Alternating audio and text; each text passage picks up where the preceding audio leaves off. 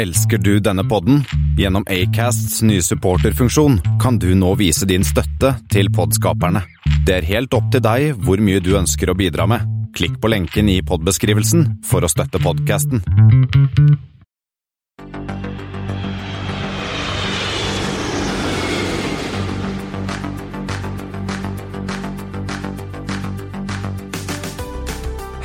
Velkommen til Flypoddens eh, flight 36, som i dag heter Harder, Better, Faster, Longer, ETOPS. Vi skal i dag snakke om lange ruter, nye ruter, Black Swan-ruter, ruter som går over mye vann. Vi skal snakke litt om Norwegian, og vi skal en tur innom Flypoddens motehjørne. Det blir litt av en sending, eller hva tror dere? Jo, og det har blitt eh, 17. oktober, Thomas. Jeg heter Christian Kamhaug, og dette er Espen Næss. Og vi er eh, nok en gang samlet her i Elvebredden Studios, og vi har kun én eh, et rekordknapp å trykke på. Ja, og det blir jo det blir litt bedre når vi er samla. Jeg, jeg håper det skinner gjennom til lytteren òg, at eh, det blir litt bedre dynamikk i sendingene når vi samles alle sammen. Er det noe nytt siden sist? Noen som vil ha noe å melde? Her fra min del er det lite nytt å melde, nå, så det blir en andre som står for nyhetene. Jeg skal ut og, jeg skal ut og fly til helgen, Thomas. Endelig. Det er vel tre måneder siden sist. Herlig. Hvor går turen? Til Bilbao. Det er en ny flyplass for meg. Eh, Jeg skal på guttetur eh, til Bilbao. Skal vi gå og se på kunst og spise mat og drikke vin og kose oss. Så blir det via Frankfurt ned. Og så blir det med, med, med Lufthansa så blir det via Brussel med Brussels Airlines tilbake igjen. Da har vi lagt inn tre eller fire timer i The Loft. eh, Og så skal vi sjekke alle øltypene de har. Det er jo en fantastisk lounge Brussels Airlines har der i Brussel. Ja, kjempefint. eh, Men jeg har, jeg har vært der ganske mange ganger de siste året, faktisk. Men jeg har ennå til gode at alle ølkranene har vært eh, i funksjon, faktisk. Vi får håpe det at de de sparer det til at du skal på guttetur. Det er ikke alltid ting er i like bra stand i Belgia, så kan ikke forvente alt. Hvem vet, kanskje ikke har en regjering når du kommer ned heller. Nei, det har du ikke i Sverige heller, da. Nei. Yes, og for min egen del, jeg skal på en tur i morgen til Ålesund, og så blir det en eh, helgetur til Stavanger på fredag. Så det er litt ute å fly, så det blir helt, helt, helt vi greit. møtes på Gardermoen da, Thomas, når du fly? I morgen? Er på fredag? Eh, 11.50. Ok. Så sånn er det. Ja, Yes, vi, skal, men vi må videre i sendingen. det må vi, og det er så mye nyheter og så mye ting å ta tak i at vi må bare sparke i gang. Og vi slår på stortromma med en gang og sparker i gang med Singapore til New York. Eller vi eh, sparker jo ikke i gang det, men Singapore Airlines har sparka i gang verdens lengste flyrute, som har hatt en eh, pause noen år og er nå tilbake. Flys med en Airbus A350-900 ultra long range. Behagelige 161 seter. Det er 67 seter i business og 94 i premium economy. Og eh, den klokker jo inn på småpene 18 timer og 45 minutter, pluss minus litt vind. Det er en lang tur, altså. Selv i, selv i Singapore Airlines business class så tror jeg det er lenge på et fly. Men altså eh, Henrik Hanevold, hvis du hører dette, vi er eh, og helt åpne for å teste det. Til og med, eh, til og med Premium Economy. Eller hva, Espen? Ja, absolutt, så bare gi oss billetter. Men nå er det jo kanskje ofte man blir litt snytt, for de bruker jo ofte betraktelig mindre tid. For dette er jo en rute de kan jo legge opp til å gå omtrent opp til hvor som helst eh, over verden for å tilpasse seg vindene. Så til nå så har han jo klokken inn på ja, i hvert fall en time kortere. Jeg er nesten blitt skuffa, altså. Ja, burde jo... skal fly verdens lengste. ja, burde jo nesten det. Så det. Men det er jo absolutt en spennende rute. Og så er det jo eh, Tidligere så hadde man jo kanskje ikke fly som passet. Dvs. Si når man endelig fikk et fly som gikk langt nok. De brukte jo tidligere da Airbus 340-500. Så var jo det flyet altfor tungt og altfor tørst og altfor lite effektivt. Så nå får man se om det lykkes bedre denne gangen. Det er i hvert fall et mer eh, økonomisk fly å operere, selv om denne ultra long range-versjonen av Airbus A350 er det jo faktisk bare Singapore Airlines som har bestilt. Det er ingen andre som har eh, gått for den til nå. Nei, Jeg leste jo det òg, at i snitt så regner de med å bruke et sted mellom eh, fem og seks tonn fuel per time på cruise. Det er jo fantastisk effektivt. Eh, Jeg leste også i samme artikkel at A340-500 var vel opp igjen i snitt da, rundt 89 tonn per time. Så det er jo snakk, hvis vi legger godviljen til, nesten en halvering av fuelforbruket. Altså. Ja, da kan det hende at den går i pluss, da? Ja, vi får se. De hadde jo bra med bakgrunnsdata, så nå begynner det jo nå med Newark. Og så kommer jo etter hvert eh, Los Angeles med samme flytypen, og så bruker de faktisk litt i San Francisco òg, selv om den klarer de også å fly med deres eh, standard eh, A350, som de også gjør allerede. Ja, så slipper de vel en konkurrent også på Los Angeles. United Airlines flytter jo sin eh, avgang som går fra Los Angeles til eh, Singapore, blir jo da flytta opp til San Francisco, så du får to daglige fra San Francisco og til Singapore, mens ingen fra Los Angeles. Så forhåpentligvis så blir det litt god butikk for Singapore Airlines der også. Ja, i hvert fall til Los Angeles, men eh, de får jo da en skikkelig konkurranse på San Francisco. Plutselig er det da til sammen tre og en halv daglig det kan fort bli eh, litt mye. Vi får se. Eh, noen, en, en annet sted som det er ganske mye usikkerhet, er jo i Argentina. Men nå ser det ut som ting begynner å falle litt på plass her, Espen? Ja, eh, man kan jo si mye rart om Argentina og hva som eventuelt faller og ikke faller på plass der. Men Norwegian har i hvert fall kommet i gang med Norwegian Air Argentina. I går 16.10 eh, hadde de sin første flight, flight nummer DN, Dagens Næringsliv, som eh, jeg assosierer det med. 6022, eh, som gikk fra Buenos Aires til Cordoba. Og litt senere på dagen gikk det vel også en til Mendoza i Argentina. Disse flightene deres går fra flyplassen med koden AEP, Jorge Newberry Airfield, er det den militærflyplassen? ikke? Nei, det er en annen. Vi skal komme litt tilbake til den mens vi er inne på Argentina. Dette er liksom innenriksflyplassen i Buenos Aires. Så denne um, flighten deres til Gatwick, uh, den går til da Ezeiza, uh, den internasjonale flyplassen. Så det er jo Jeg mener jo dette er jo helt håpløst å drive sånn. Det blir som om innenriks skulle gått fra, fortsatt gått fra Fornebu, mens all utenriks skulle gått fra Gardermoen, minus f.eks. Stockholm og eller en annen destinasjon. Det var jo det Senterpartiet ville back in the day, men jeg husker. Ha en sånn delt løsning. Det er helt ko-ko. Ja, Nå skal ikke jeg si, kommentere det for å la være å erte på oss eventuelle lyttere i distriktene, men eh, ja, det ikke Det sier seg selv at det er ikke veldig effektivt. Men det er noe sånn de har organisert seg der nede, eh, som er det som det er. Men nå begynte jo da de to første destinasjonene deres, Cordoba og Mendoza, i dag.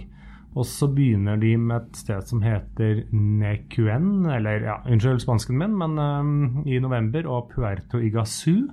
Uh, etterfølges av et sted som heter San Carlos de Bariloc i desember og Salta i januar. Så de kommer jo seg etter hvert en del destinasjoner. Foreløpig har de jo bare én 737-800, så har de vel tre stykker på vei ned dit. og jeg mener slik jeg har forstått at en kortsiktig eller mellomlangsiktig plan er å ha ti fly der nede eh, på kort sikt. Ja, men jeg tenkte når, når de flyr fra eh, London til eh, Buenos Aires eh, Organiserer de noe shuttle mellom flyplassen eller noe sånt? Eh, selges det gjennomgående billetter? Fordi at jeg, jeg var jo selv i Argentina i fjor, og det er jo ikke akkurat eh, den internasjonale flyplassen her ligger jo ikke akkurat sentralt til, da. Nei, det vet jeg ikke noe om. Eh, noen får prøve å gi oss en tilbakemelding.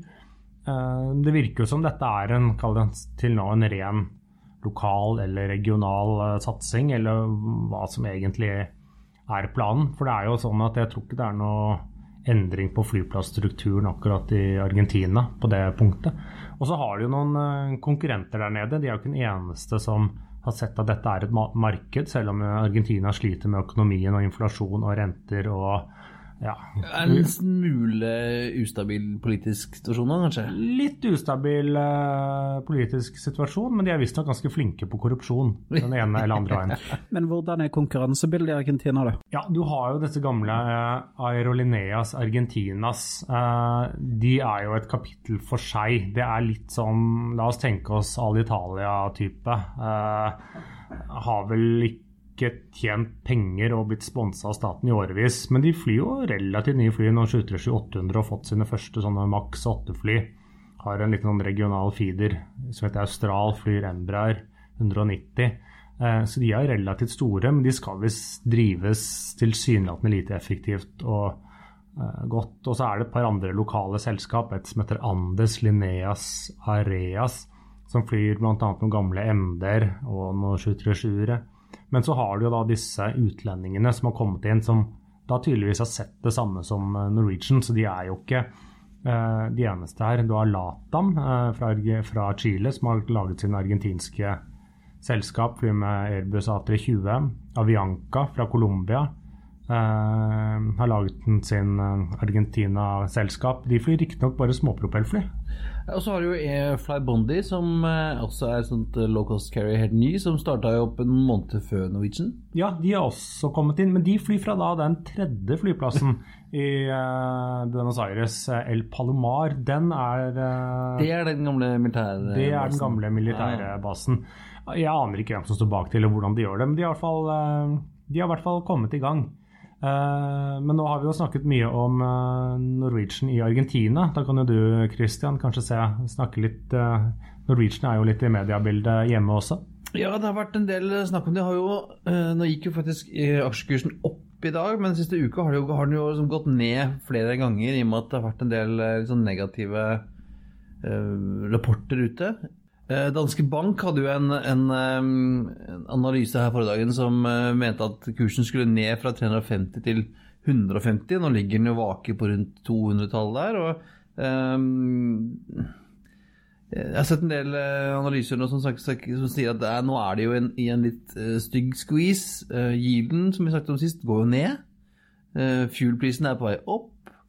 Uh, og Espen, nå er det jo noen som påstår at de kan være i fare igjen for å bryte mot dette uh, egenkapitalkravet. Ja, det var vel en analyse i var det Sparebanken 1 Nei, unnskyld, det var Pareto uh, som um, har sin analyse sagt at Danske Bank var det vel som skrev den ja, her nå sist? Ja, unnskyld, det var Danske Bank, men det var også en, en analyse i Pareto. deres hva skal vi si, prognose var at de akkurat kom til å klare det og ikke bryte den. Men da vet jeg at da skal du ikke bomme mye før de kommer under den grensen og må hente penger. Eh, og så er det jo spørsmål hvem de skal hente penger fra, for der var det jo også noen som hadde, var ute og hadde noen kommentarer på det. Ja, for De siste gangene som det har vært en, en nyemisjon, eh, så har, har, vet, har vi snakket om tidligere om at Bjørn Kjos og Bjørn Kise, som sitter på negativ kontroll, eh, har jo ønsket Først så ønsker de jo ikke nyemisjoner. Men de må jo fordi de ikke skal falle inn i egenkapitalkravet. Ja, de Bjørn Kjos og co. gjennom det HBK Invest ja. hostet jo opp penger for et, eh, ja, i vinter. Ja, eh, og nå sier denne, eh, denne danske bankanalysen som snakker om at hvis de må nye, ha en nyemisjon nå, så har ikke Bjørn Kjos og co. penger de får ikke låne mer penger for å kjøpe flere aksjer, og da står det i fare for å bli utvannet, utvannet sin andel, plutselig ikke ha den negative kontrollen som de har brukt for å hindre et IAG-oppkjøp. Så eh, kanskje sitter de der i London og Madrid og, og, og regner på hvor lang, tid det tar før de må ut og gjøre noe. Ja, Det blir også spennende, mens på en annen måte så var det jo noen som var ute nå i media. Blant annet var det en meglerhus eller analyse som uh, sa at britiske var det britiske konkurransemyndigheter ikke så så veldig positivt hvis IAG skulle kjøpe Norwegian pga. konkurransesituasjonen da. At de blir for dominerende der. Ja, for Det har vært stille fra, fra IAG lenge. Det har ikke noe, kommet noe nytt, uh, nytt bud uh, som de har snakket om. Det har vært noen spekulasjoner som vi snakket om tidligere om at de er på, at de er på vei til å selge seg, selge seg ned igjen. Men uh, jeg tror nok de sitter der og venter litt. Willy, Big Willy sitter der og venter på hva kursen går i. For nå har det blitt ganske mye billigere enn det var for noen måneder siden. Ja, jeg, jeg, tror eh, IAG de har god tid. Eh, eh, det mases nok mer andre steder enn eh, hos dem. Jeg tror de egentlig kan sitte og se på. Men jeg, dette, jeg tipper at her eh, blir vi langt klokere etter hvert. Men først til eh, påsken. Willy Walsh, gjedda i sivet. Espen, du har jo fulgt med på Primera Air. Eh, Og sagaen eh, Fun intended. Men, yes, om eh, Primera Air er jo ikke helt uh, over ennå. Hva, hva, er det som skjer her nå? Ja, jeg eh, trodde det var ferdig, så jeg slapp å følge med, med mer der. Men disse Primera Travel Group de ønsket jo tydeligvis ikke å være forbundet med dette navnet mer, og det er jo forståelig nok. Så de har nå skiftet navn til Travelco Nordic. Så, det klinger godt, det navnet der. Ja, men dette er jo et eierselskap og ikke et bruker, hva skal jeg si, ikke brukernavn eller markedsnavn. For de vil jo da fortsatt drive under disse eh, merkevarene sine mot eh, turoperatører og charter. I Norge så er det jo fortsatt Solia, de lever videre. Eh, det heter jo Bravo Tours i Danmark, eller var det Sverige? Sun Tours heter vel et land, og Matkavekka i Finland. Solresor i Sverige.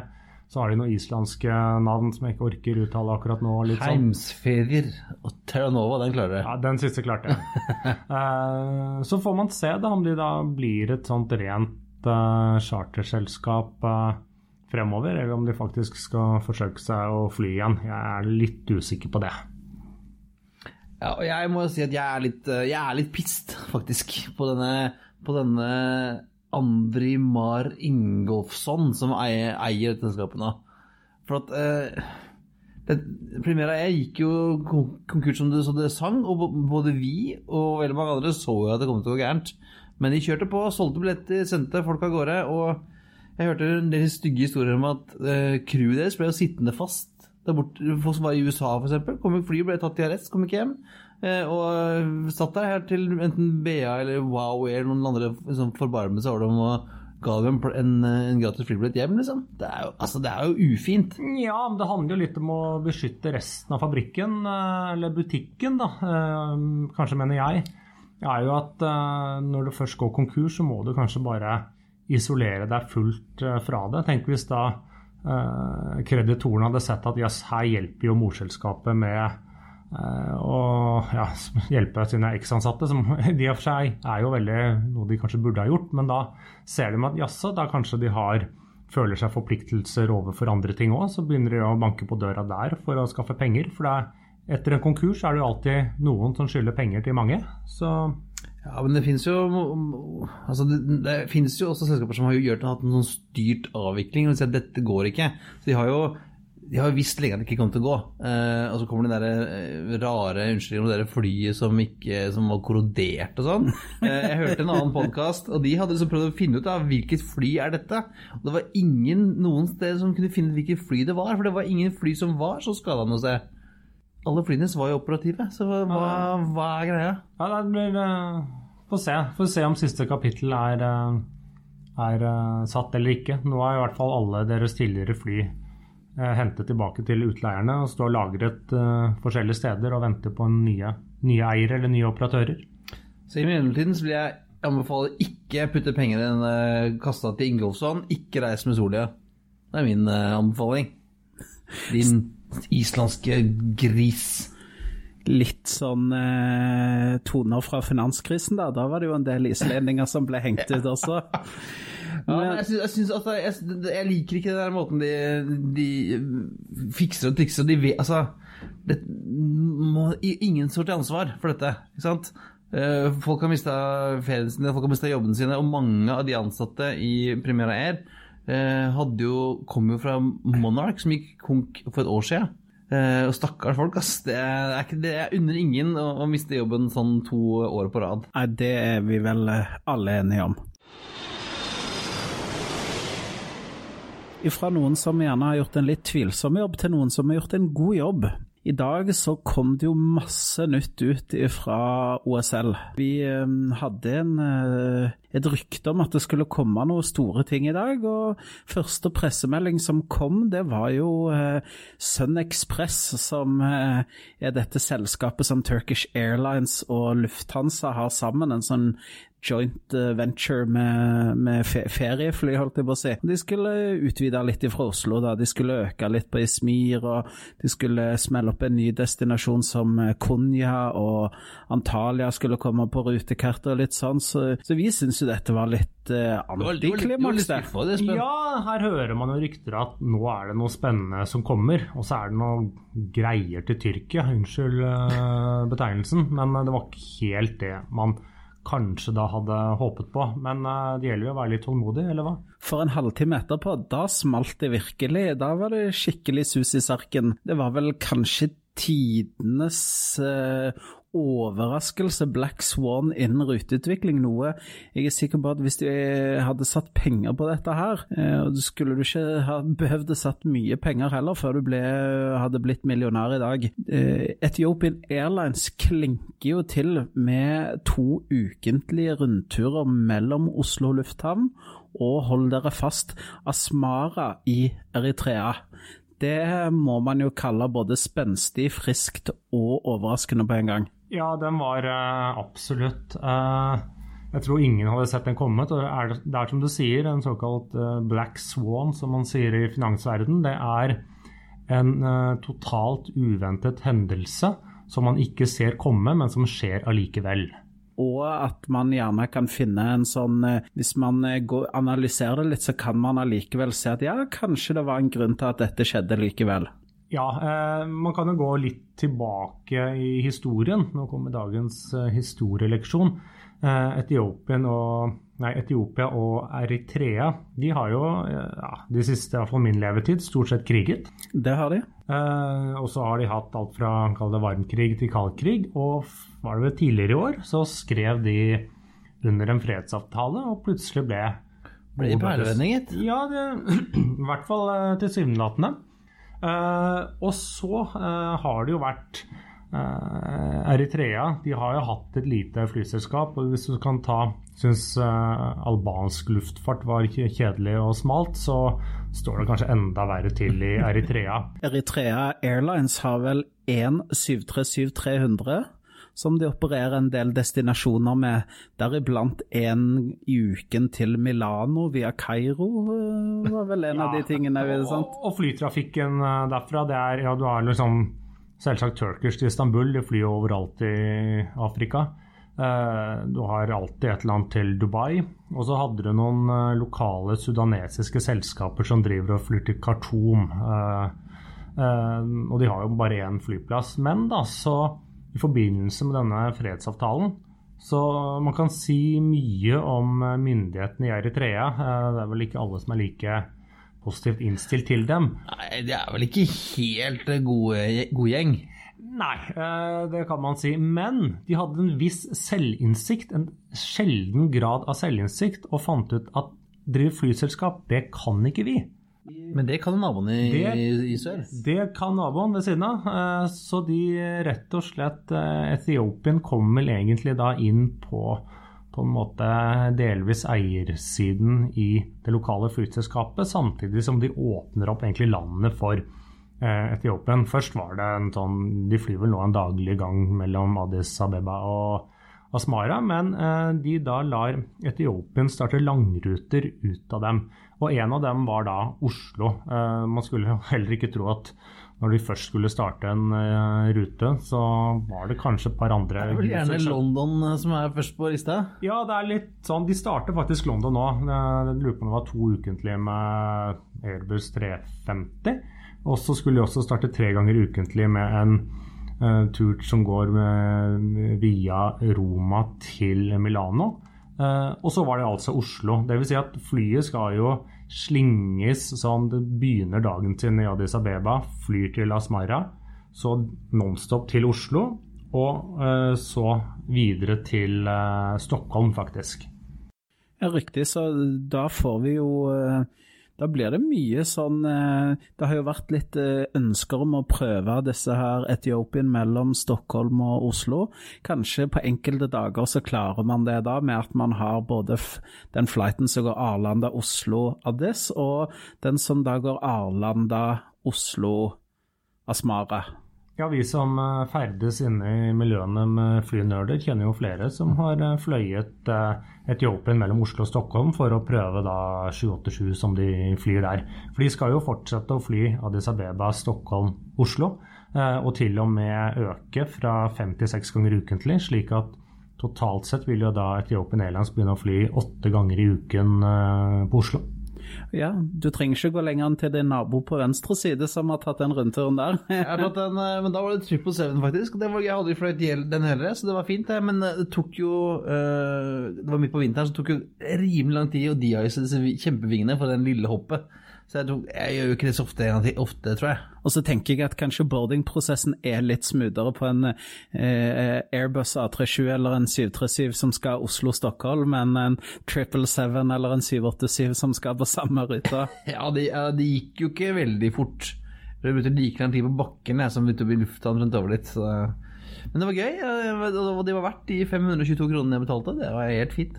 Men så er jo også spørsmålet Er det noe mulig å legge en helgetur til Asmara? Og hva gjør man i Asmara? Der ser man på øh, flotte bygninger som er på verdensarvlisten, ikke sant, sånn, Espen? Ja, det var litt For italienerne var øh, nedom der i, i sin tid. og Eh, Visstnok er da bebyggelsen der nede såkalt italiensk kolonistil. Eh, og det, ja, FN eh, syns det var så fint og fjongt at det har de valgt å sette på denne verdensarvlisten sin. Ja, det kan man jo få med seg. Så er det sikkert uh, spise sånn uh, typisk injera-brød med noe godt uh, kruttsterk uh, kjøttgryterett til, eller sånn. Så, så, får man, så, får man, sikkert en helg i i Eritrea til å gå også.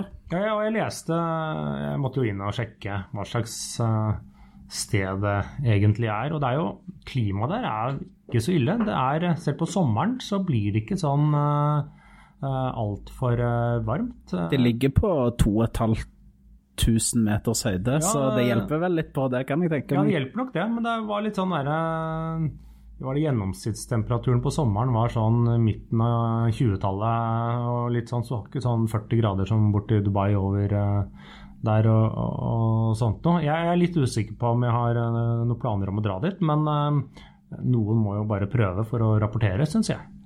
Kanskje vi i Flypodden må sende en henvendelse, eller Du Kristian har jo blitt god venn med disse her to vennene våre fra Ethiopian Airlines, så kanskje med litt rettsmisking rett smisking så får Flypodden dekka den første flighten. Vi får fyre av en uh, liten mail til uh, Musa og Fitte, og Fitte Hamlak og spørre om ikke vi kan få oss en tur.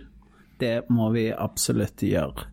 Men uh, det var jo den ruten vi ikke så komme. Så kan mm. vi jo da gå over til da den man både har ventet på en evighet, som var long overdue, og som da endelig nå har blitt annonsert og kanskje da bærer frukter. Ni hao! Hainans Airlines der, altså, som starter da tre ganger i uken mellom Beijing og Oslo. Eh, fra våren til neste år. En Airbus A330 300, så det er jo relativt sånn frisk satsing. Det er vel ikke det minste langdistanseflyet de har. Det er plass til frakt. og Så dette blir en satsing. Og så er det jo litt av utfordringen med Kina, og, og, der er jo det at man begynner jo å nærme seg taket på de 21 ukentlige avgangene som kinesiske selskaper har til Skandinavia, og vice versa. Så, så det er vel Sånn som det er nå med disse tre ukentlige som er annonsert, så er det vel faktisk bare én slott ledig. Så det er plass til én uh, ukentlig rundtur til. Ja, det er, det er, i all praksis fullt. Det vil si at uh, Stockholm og København har jo da stukket av gårde mm, med resten. Sånn at uh, nå har jo ruteutviklerne på Gardermoen gjort en god jobb og skaffet dem, men nå skal de da kunne øke som forhåpentligvis vi kan gjøre på et eller annet tidspunkt. For tre uken er jo relativt begrenset. Eh, så må det jo rett og slett eh, politiske forhandlinger til å gå mer på departementer og statsråder. Og da hjelper det ikke bare å, å selge det inn, da må man rett og slett få utvidet adgangen her da, som kinesiske selskaper har til Norge. Men men jeg tenker det har jo historisk sett så har det jo vært kanskje Norwegian da, spesielt som har vært pådriveren for at denne avtalen skal økes mellom de skandinaviske landene og Kina. Mens nå når kineserne selv pusher denne grensa, så er det jo egentlig stengt for utvidelse andre veien også fra andre kinesiske destinasjoner til både Arlanda og til København. Så, så nå kan det jo virke som også at kanskje at det er i kinesernes egen interesse at, at man reforhandler den avtalen, da. Ja, jeg vet ikke hvem som har holdt tilbake eh, på det. Eh, men så oppstår jo da det lille problemet mellom Norge og Kina. Eh, som setter sine begrensninger, og som nå gjør at eh, Norwegian bl.a. ikke kan fly til eh, Kina, siden de må da fly over Sibir. Ja, riktig. Men det er, jo, det er jo Russland som er vanskelig. Ja, det er det. det, er det. Eh, og den er jo nok en, kanskje en verre nøtt å knekke. Men der har jo både Eh, SAS og eh, ja, de kinesiske selskapene mulighet til å fly.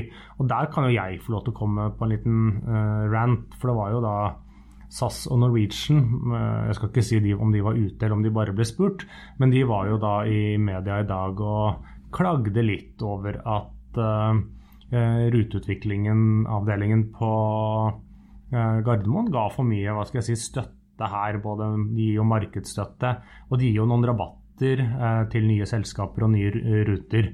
Eh, men det følte jeg det ble veldig Det ble rett og slett litt kleint. Fordi, det var en dårlig sak, altså. Det var en dårlig sak, for her har de selskapene mulighet til akkurat det samme. De får akkurat de samme rabattene og mulighetene. Og man kan si at ja, Norwegian de har ikke muligheten i dag til å fly til Kina pga.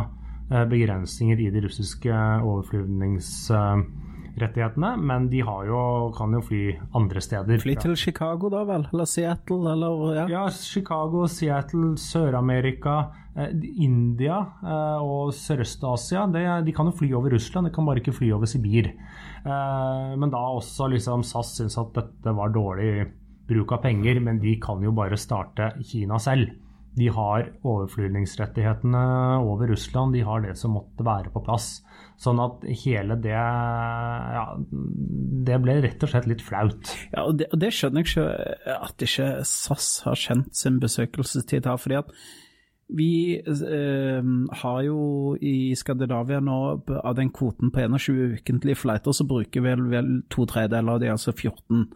Det er da Beijing og Shanghai ja, fra København, yes. begge deler. Så der har du jo da brukt opp, og da har, kunne man jo da, SAS hvis de hadde hatt ønske, kanskje de har tenker på det nå med A350 og Skin osv., jeg vet ikke, men eh, da har jo de egentlig en mulighet med at de har alle rettigheter i orden.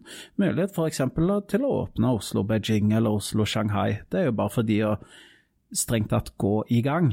Ja, det er uh, skaffet fly, og egentlig begynne å fly. De har jo du kan si alle flyene deres er opptatt i dag, men alle, samtlige fly de har i flåten klarer eller samtlige av langdistanseflyene de har i flåten, klarer eh, de flightene. Ja, hvis viljen hadde vært der, så får du jo kasta brukte A340-er etter deg. Det er jo eh, det, det, er, ja, det er jo ikke vanskelig. Til og med vi kunne skaffa en sånn hvis vi hadde ønska. Så det, Nei, det, det, den, det som Kristian sier, den, den kritikken som, eh, som SAS Norwegian kom med da, var særdeles malplassert og, og dårlig. Altså, for dette, det, Spesielt for SAS sin del så er det bare egentlig å starte opp hvis de, hvis de har viljen og ønsken ja, til det. De får jo akkurat samme rabatten, akkurat samme dealen, akkurat samme støtten hvis de hadde gjort det. Ja, Det eneste er nå at Beijing er jo si, tatt. For du får ikke støtte når du starter opp som nummer to til en destinasjon, men det er bare det er fair. Først ute, da får du her tar du initiativet og viser litt uh, handlingskraft, så er det bare rett og rimelig.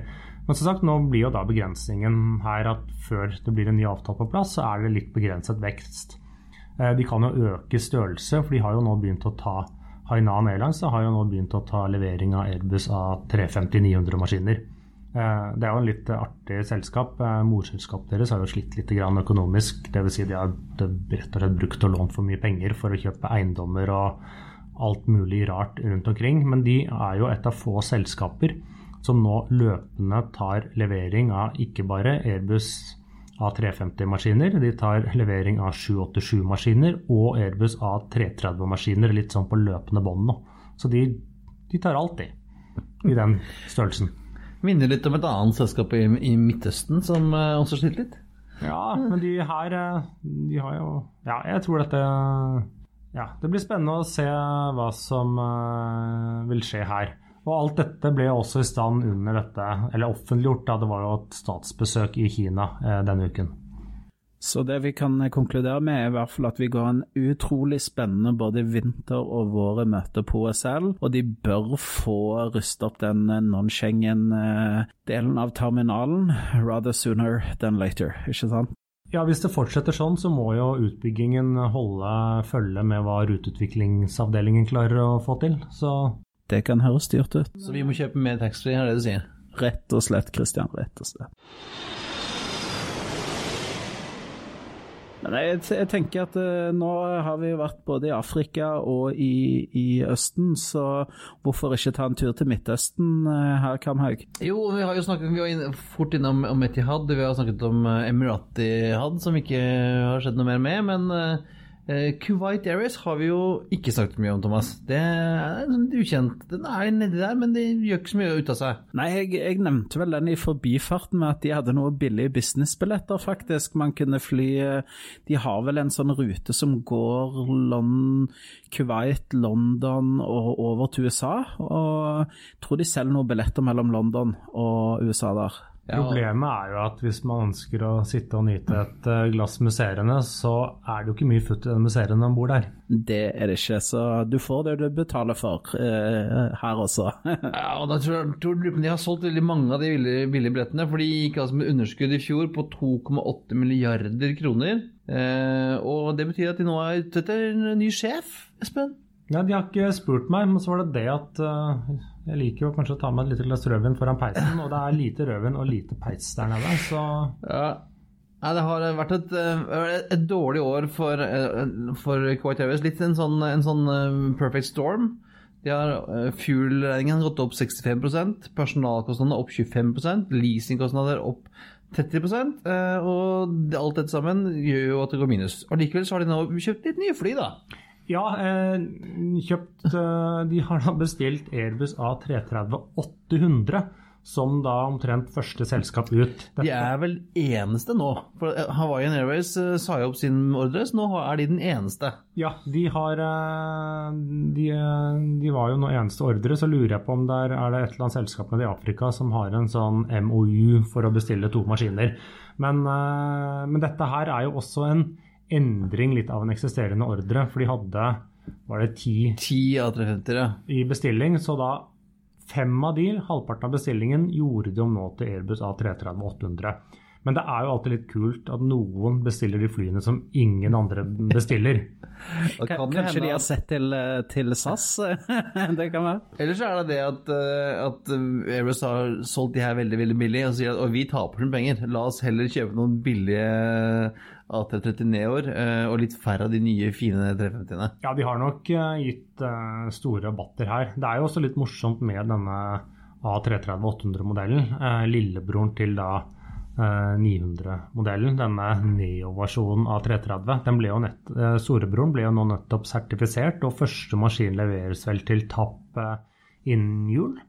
Eh, ja, for det er vel sånn å forstå A330 800 er på en måte ekvivalenten til det kaller den gamle A330-200. Det stemmer. Eh, og eh, det morsomme er jo at eh, Hawaiian skulle jo da ha seks maskiner. Og prototypen den var jo egentlig ferdig når Hawaiian trakk eh, ordren sin. Eh, så den er, har stått nede i Toulouse uten motorer. For Airbus har ikke ville gått videre, eller de satt, eh, hadde satt sertifiseringen litt på hold.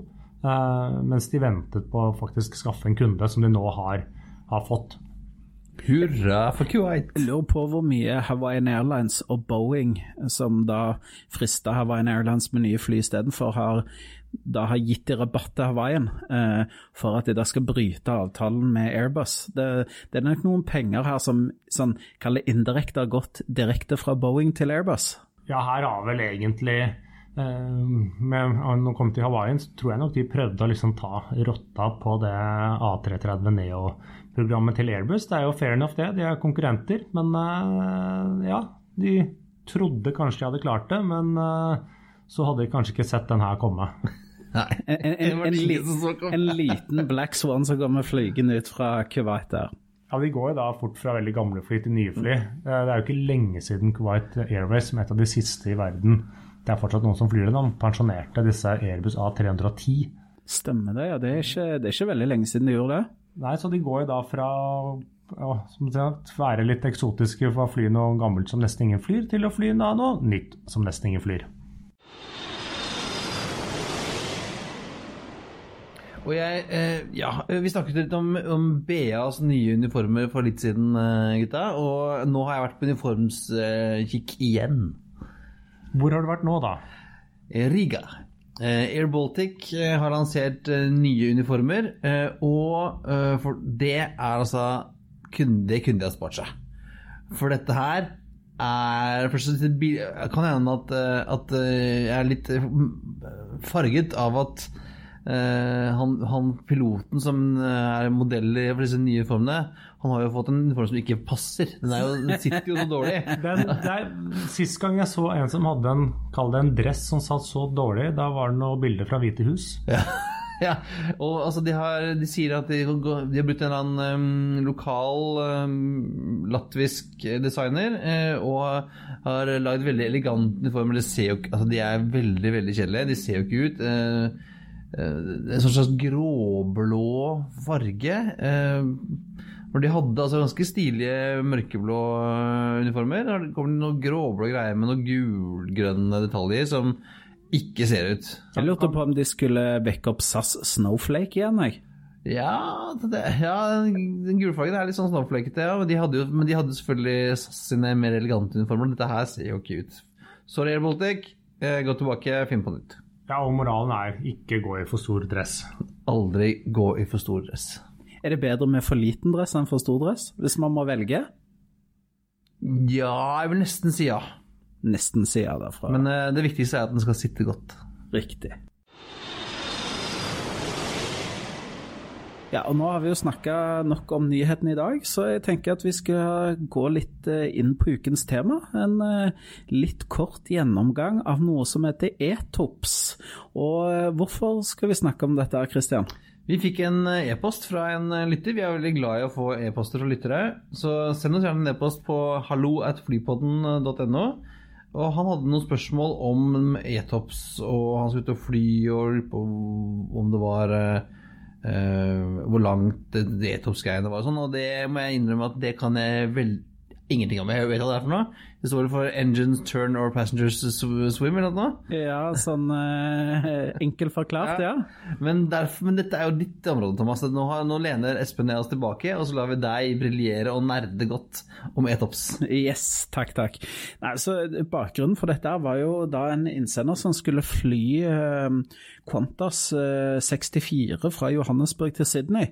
Og så noterte han seg at eh, dette var en rute som eh, betjentes av 747-400.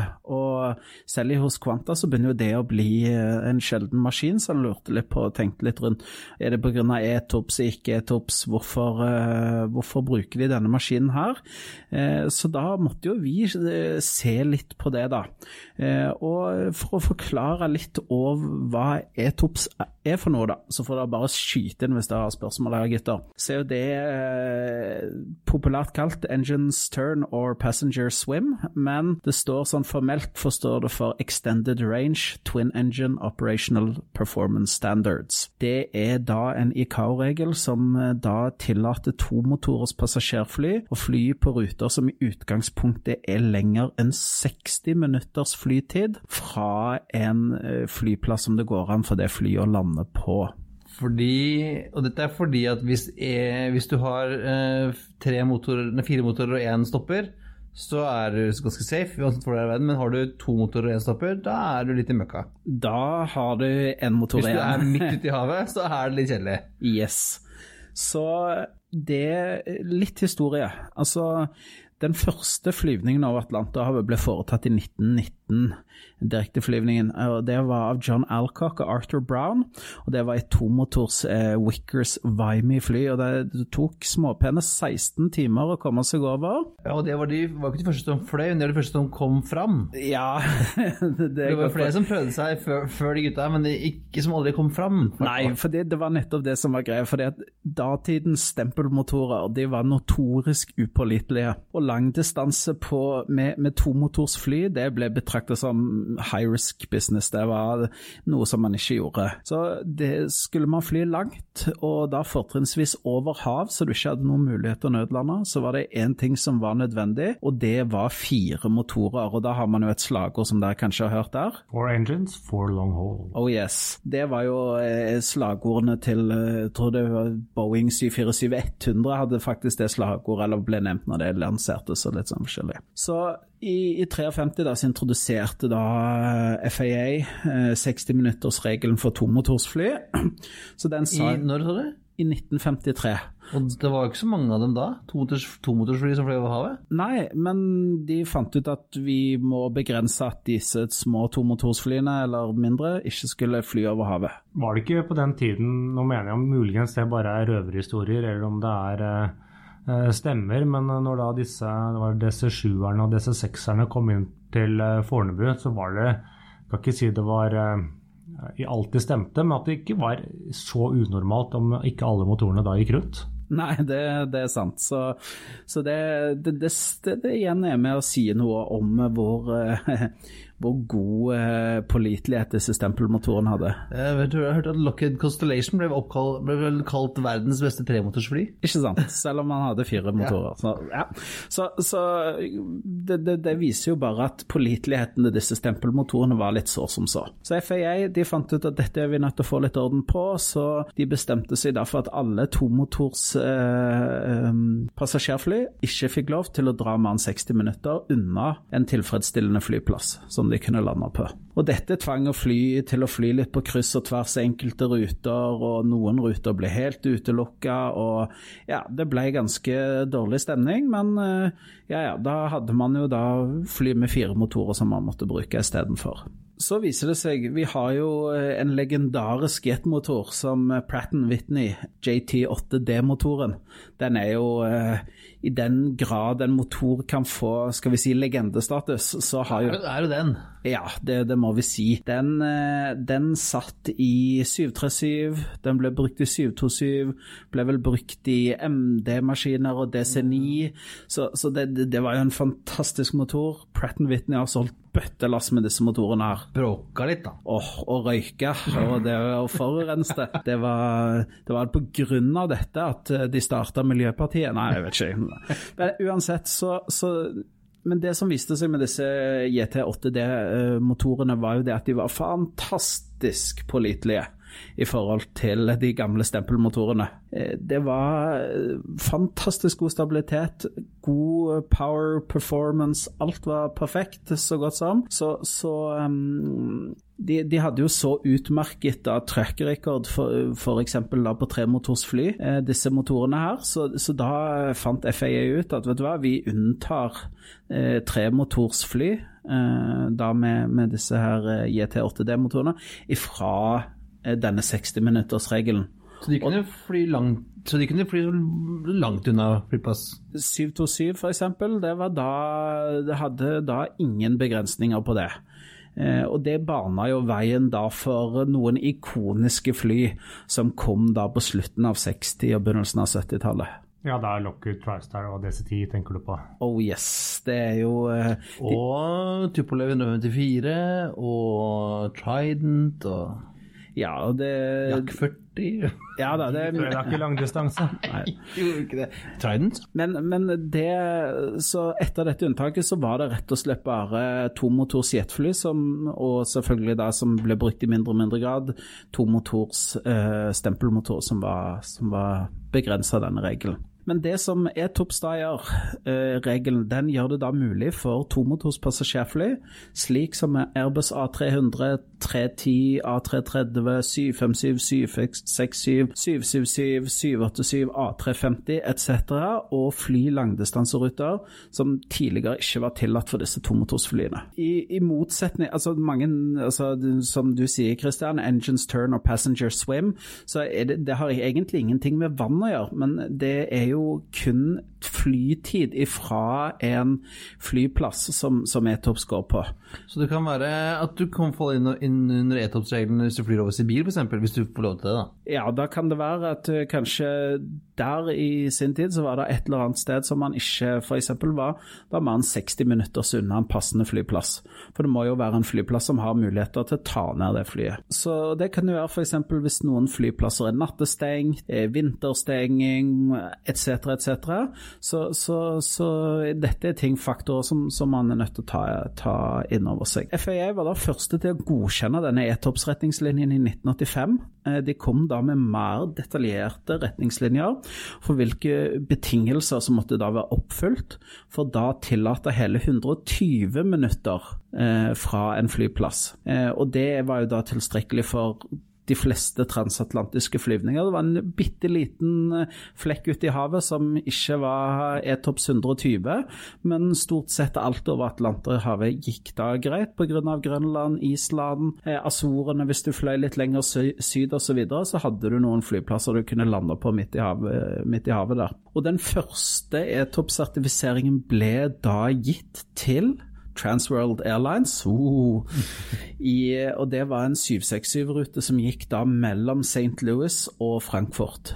Og Den ble da gitt i mai 1985, og den eh, tillot da TWA å fly opp til 90 minutter unna den nærmeste mulige flyplassen å lande på. Og etter da å ha gjennomgått prosedyrene til TWA sett at her har de gode vedlikeholdsrutiner, de har uh, hjertestarter om bord blant noen av de kravene osv. Så, videre. så fant de ut at de kunne, ja, vi kan utvide den til 120 minutter. Ja, for det er jo slik at uh, flyet i seg selv kan jo være ETOP-sertifisert, men det krever også at flyselskapet har det i tillegg. Så det hjelper ikke bare å ha et godkjent fly, men flyselskapet må også være godkjent til å operere det.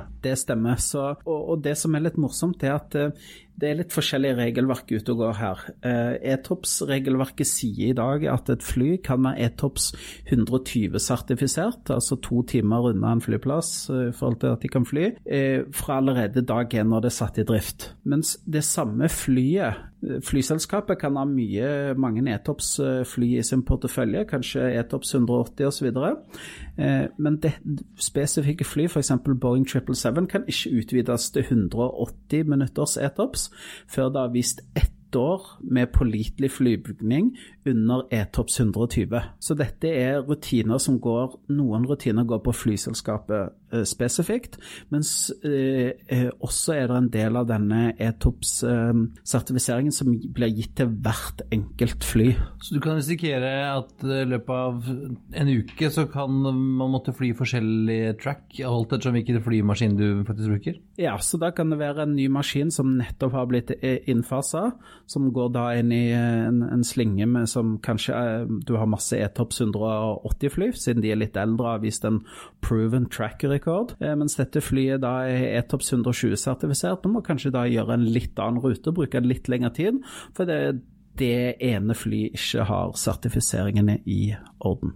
For å, Etter hvert nå så har jo ETOPS kommet ganske langt. Hva er det det meste nå? Er det 370 minutter noen har, eller er det 270? Eh, det er 330 er vel det som faktisk er i drift per i dag. Eh, Air New Zealand bruk, har vel E-Tops 330 sertifisert eh, noen av sine 777-er. Eh, det må de ha bl.a. når de skal fly over Stillehavet.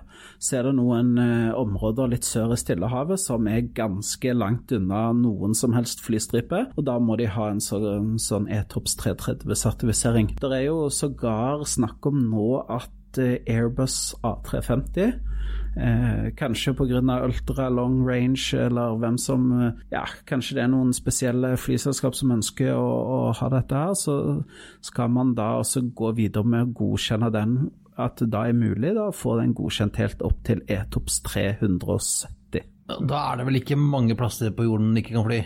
Nei, og det er jo da ganske lang eh, distanse for et fly da skal kunne da fly hvis en motor faller bort. Da har du jo én igjen. ja, forhåpentligvis en stund til, da. Og det, og det, er jo sånn at eh, det er jo snakk om at idet en motor faller bort, så skal det kunne fly maks lasta eh, hele veien på én motor med det stresset som den innebærer på den motoren osv. Så, videre, og så, videre.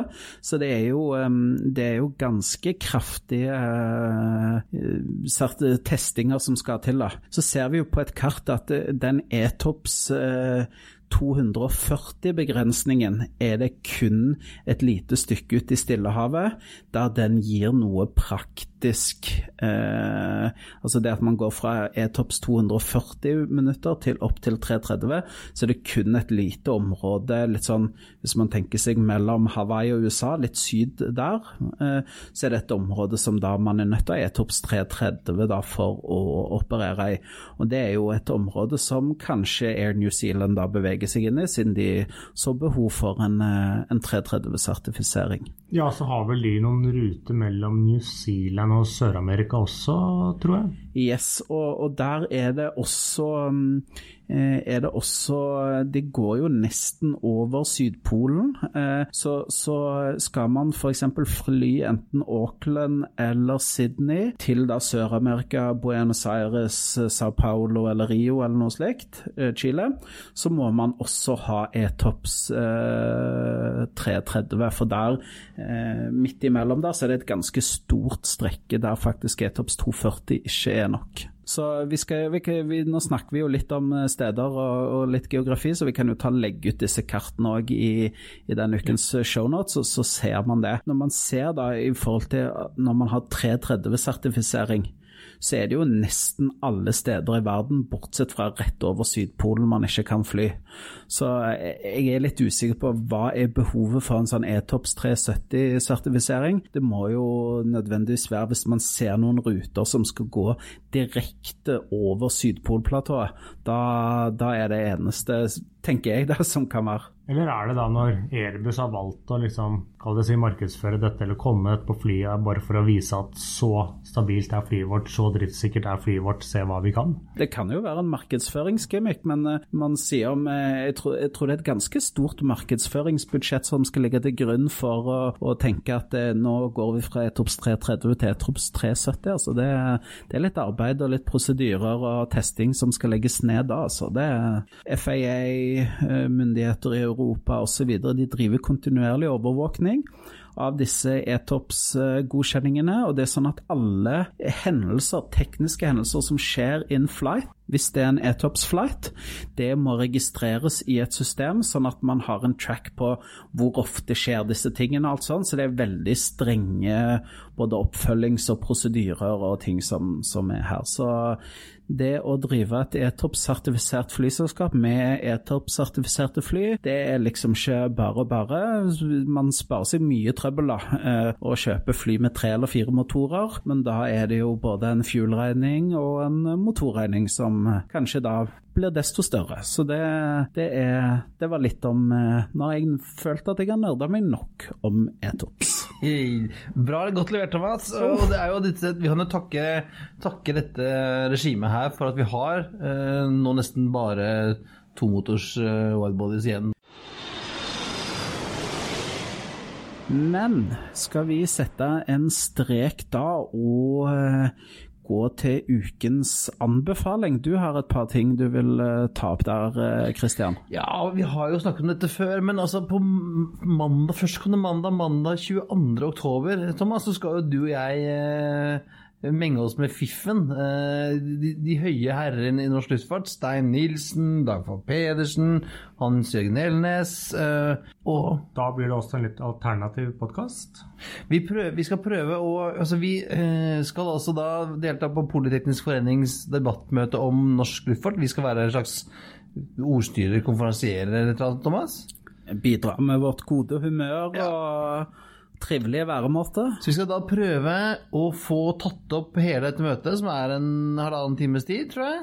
Ja, okay. halvannen time, to. Ja, så prøver å det, Hvis vi får til å få tatt opp det, så blir det da eh, neste ukes episode, egentlig. For de som ikke kan møte opp. Eh, hvis du vil komme og møte opp og se oss live, så går vi, er det bare å gå inn på flypodden.no, og så finner du link til hvordan du bestiller billetter og hvor du skal være og sånne ting. Det er helt korrekt. Eh, og så har vi en, eh, har vi en idé. Eller jeg har en idé, faktisk, Thomas. Ja, du har Og snakket. Og en anbefaling. Og det er at uh, for noen år siden så tilbød altså København lufthavn sånne guided tours på flyplassen. Det har de sluttet, de sluttet de med i noen år, men nå er det tilbake igjen. Så nå kan man altså få en guided tour, en busstur, rundt på flyplassen. Uh, som er, kan være som en halvtime, times tid. Uh, og det koster altså eh, noen tusenlapper, eh, og de tillater bare grupper. Så hvis, du, hvis vi tre skulle reist, så hadde det blitt dyrt for oss. Så vi lurte på om vi skulle prøve å, å arrangere en liten tur til København. Uh, ute på ja, over, nyttår en gang. Når du har fått uh, blitt pappa og sånn, Espen. Ja, vi får se. Ja, med det. Så tenker vi tar en tur til København, og så uh, drar vi på en liten rundtur på Kastrup, og så finner vi et sted å ta en litt sen uh, jul, dansk julefrokost. Og så koser vi oss, og så reiser vi hjem. Så hvis noen har lyst til å være med på det, så er det bare å sende inn eh, til hallo.flypodden.no og si 'jeg vil være med på tur til København'. Det gleder vi oss til. Så kommer vi tilbake med mer detaljer rundt dette når eh, det nærmer seg. Så da blir det ikke hvite busser til Auschwitz, men det blir eh, Nei, det. vi... Vi- Hvit buss, eh, hvit buss på København lufthavn. Jeg tror det er gule busser i København, faktisk. Ja, riktig, riktig. Ja, eh, jeg tror, jeg tror vi, vi setter en strek der, Thomas. Det gjør vi, og det var absolutt alt vi hadde for i dag. Eh, Det er da, tror det eller ei, på tide å spenne fast sikkerhetsbeltet, rette opp stolryggen og sørge for at du har fri sikt gjennom vinduene før landing. Som alltid finner dere linker til det vi har snakket om i dag på flypodden.no. Du finner oss også på facebook.com flypodden, Instagram at flypodden og Twitter også at flypodden. Har du ris, ros, kommentarer, ønsker å levere og gi oss en fet sponsorkontrakt, ta kontakt med oss på hallo alfakrøllflypodden.no. We thank you for flying with us today. We truly appreciate your business and look forward to serving you on a future flight.